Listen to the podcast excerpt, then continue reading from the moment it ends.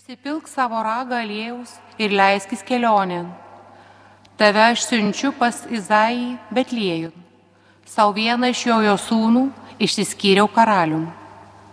Samuelis paprieštaravo, kaip aš galiu ten keliauti, juk tai sužinojęs Saulis mane nugalabis. Bet viešpats atsakė, pasiimk veršiuką ir pasiskelbk. Aš atėjau aukoti viešpačiui atnašos. Pakviesk į aukojimą Izai. Tada aš tau duosiu suprasti, ką privalai daryti. Tik tam man patepsi, kurį aš parodysiu.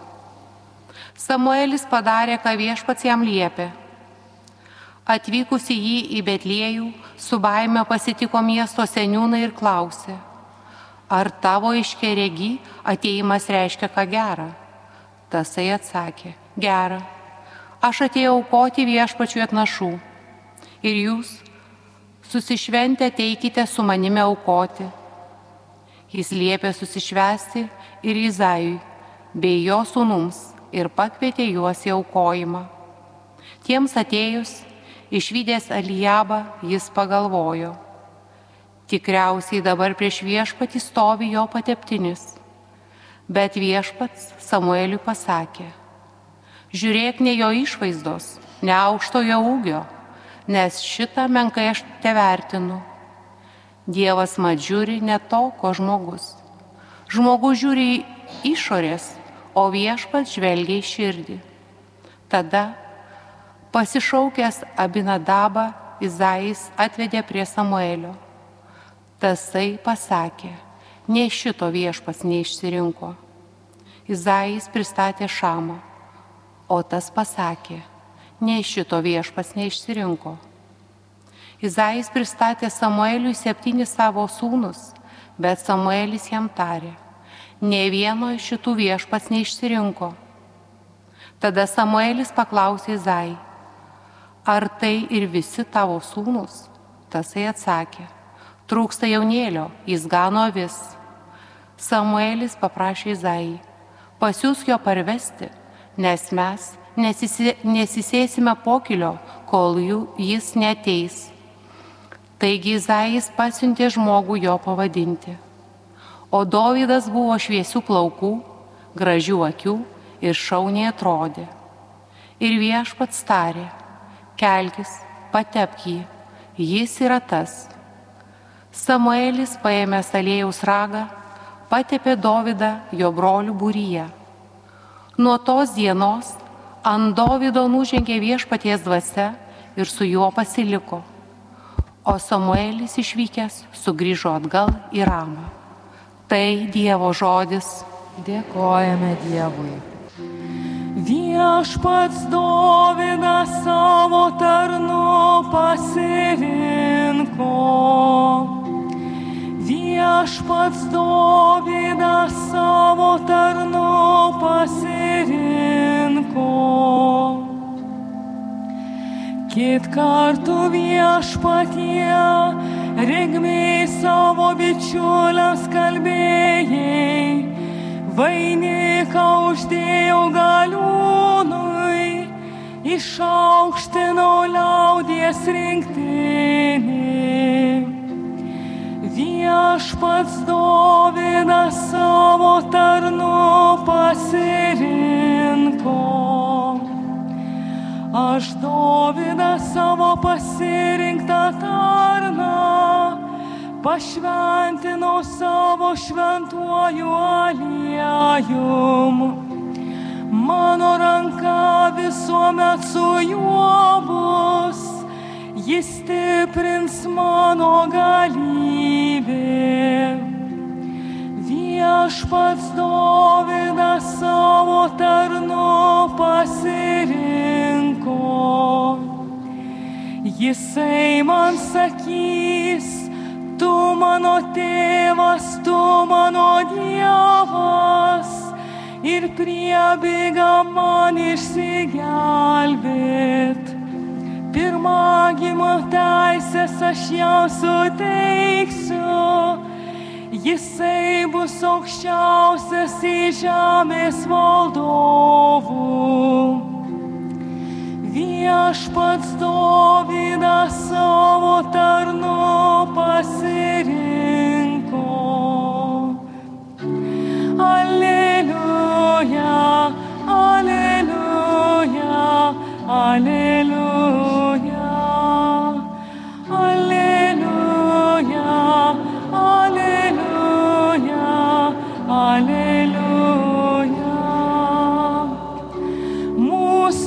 Viešpaties Jėzaus Kristaus tėvas, te apšviečia mūsų dvasios akis, kad mes pažintume, kokia yra viltis, į kurią mes esame pašaukti. Alleluja, alleluja, alleluja. Viešpat su jumis. Ir su tavimi.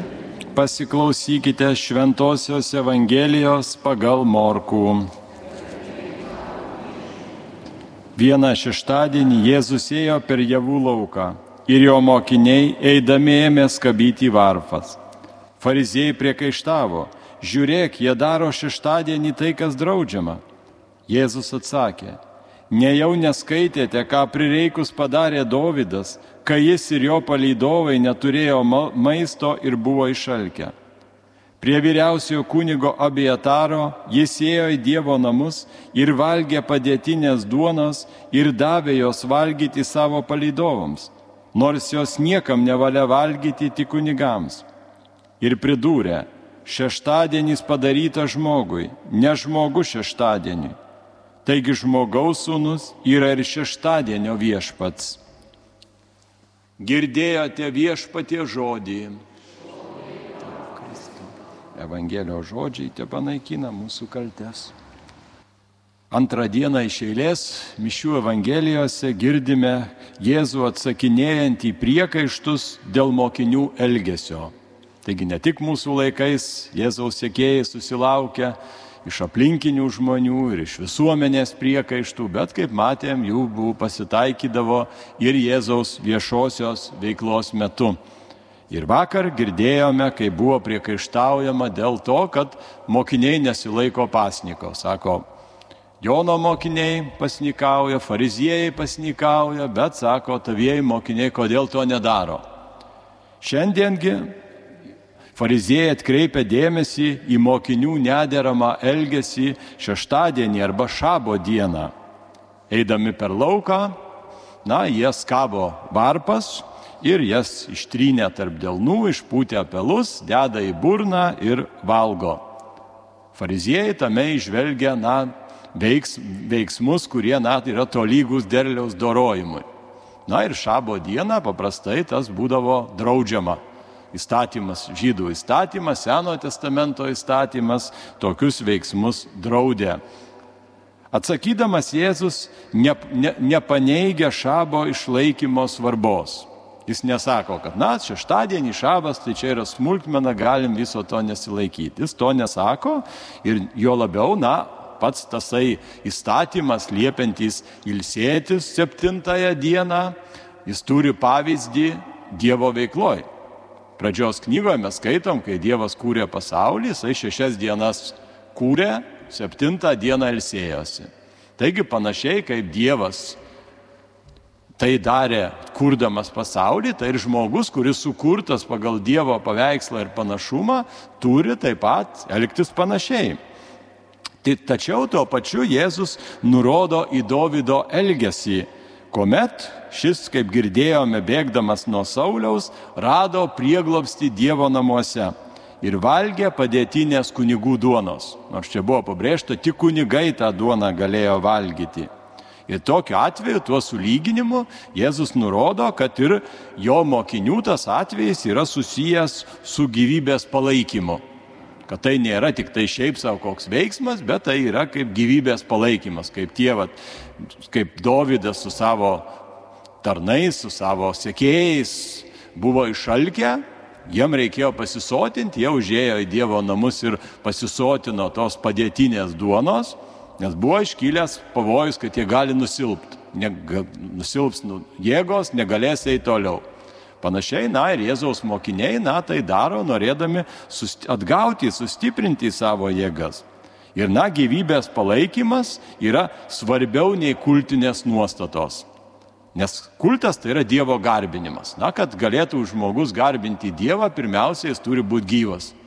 Jeigu jis praras gyvybę, na, jis jau Dievo garbinti negalės. Tai tokiu atveju, na, reikalinga palaikyti kūno jėgas arba jeigu, pavyzdžiui, žmogus įsekęs jis irgi negali tokiu atveju atlikti kulto veiksmų, jisai tik tai ir galvoja apie kaip gauti maisto. Taigi tokiu atveju to, tas vad gyvybės palaikymas čia yra svarbiau negu to šabo užlaikymas. Tai tas ir Jėzaus pateiktas pavyzdys tą iliustruoja, taip pat ir Jėzaus įsakyti žodžiai.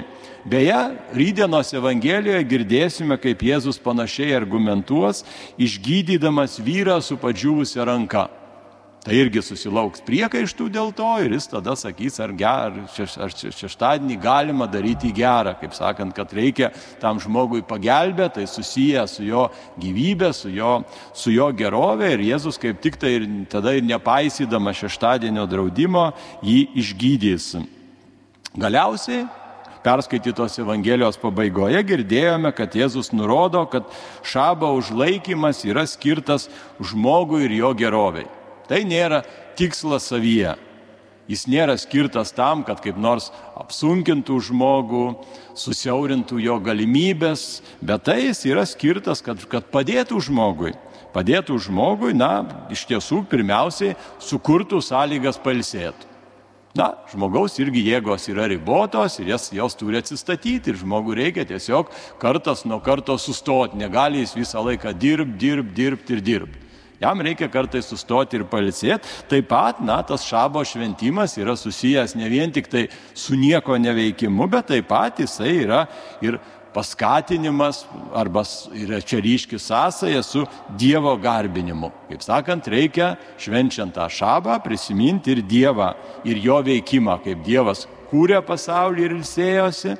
Taip pat ir žmogus, kurdamas, turi kartais sustoti ir pamastyti apie savo darbų prasme. Kada jisai prisimena Dievą, jisai supranta, kad jisai bendradarbiauja Dievo kūryboje, kad, kad tą, kūry, tą, tą, tą Dievo kūrybą pratęsia. Ir taip jisai nesupranta, kad tas darbas nėra tik tai vien apsunkinantis dalykas, bet tai yra, na, kaip dalyvavimas Dievo darbe.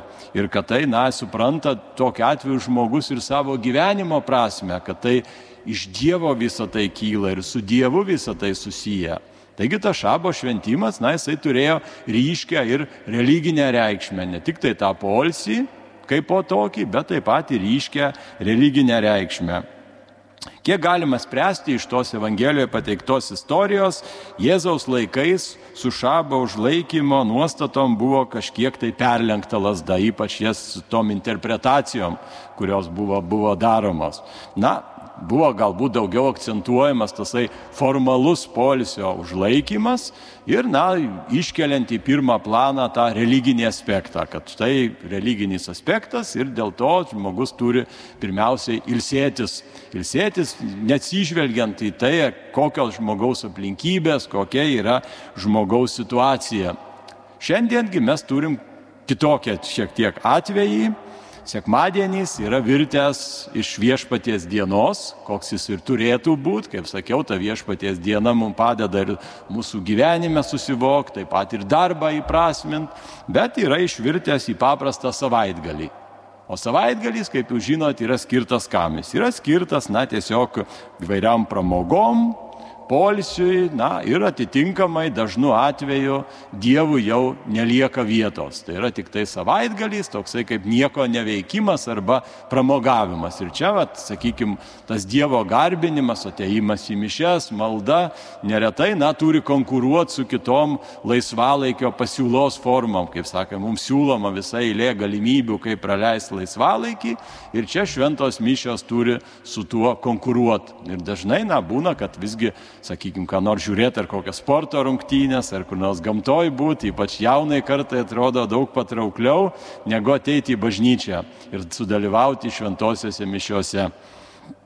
Taigi te paskatina mus Jėzaus žodžiai ir jo pateiktas pavyzdys atrasti tą tikrą sekmadienio prasme ir tą sekmadienį tinkamai švesti. Amen.